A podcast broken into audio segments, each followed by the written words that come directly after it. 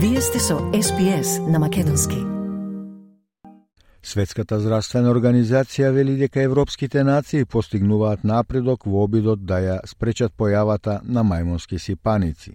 Генералниот директор на Светската здравствена организација, доктор Тедрос Адоном Гебресиос, вели дека постојат знаци дека избувнувањето забавува во Европа, каде комбинацијата на ефективни мерки за јавно здравје, промена на однесувањето и вакцинација помагаат да се спречи преносот. Сепак, вели доктор Гебресиос, особено во Латинска Америка, недоволната свест или мерките за јавно здравје во комбинација со недостаток на пристап до вакцини овозможува ширење на болеста. There are signs that the outbreak is slowing in Europe, where a combination of effective public health measures, behavior change, and vaccination are helping to prevent transmission. However, in Latin America in particular, insufficient awareness or public health measures are combining with a lack of access to vaccines to fund the flames of the outbreak.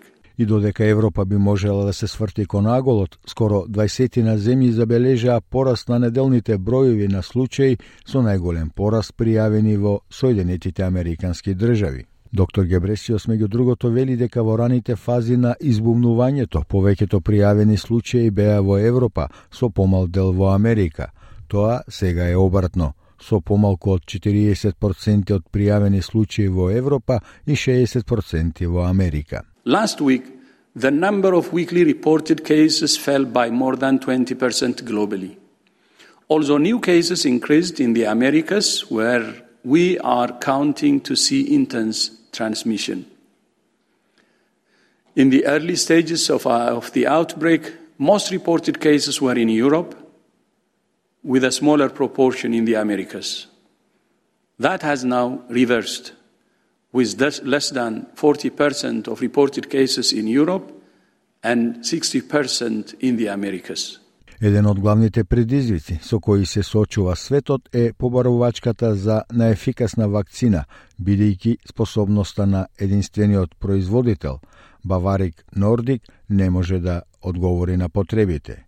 Австралија има обезбедено 450.000 дози, но само 100.000 ќе пристигнат до крајот на оваа година. Соединетите Американски држави се обидуваат да ги зголемат своите резерви со администрирање на само една петина од вообичаената доза.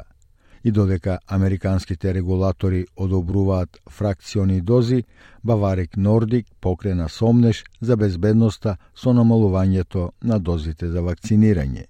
Директорката за имунизација на Светската здравствена организација Кейт О'Брајен вели дека американскиот пристап ќе биде проценет. Таа вели дека внимателно ги разгледуваат доказите за перформансите на овие вакцини против мајмонски сипаници за да се разгледа еквивалентноста или всушност можеби подобрените перформанси користејќи фракциони дози.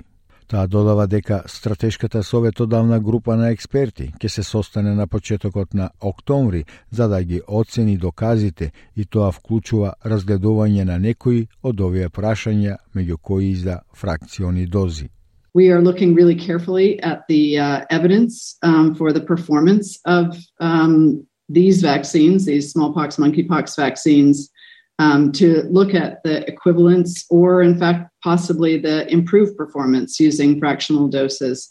And the, our strategic advisory group of experts um, will be meeting uh, at the beginning of October to evaluate um, the evidence, and that includes looking at some of these fractional dose issues.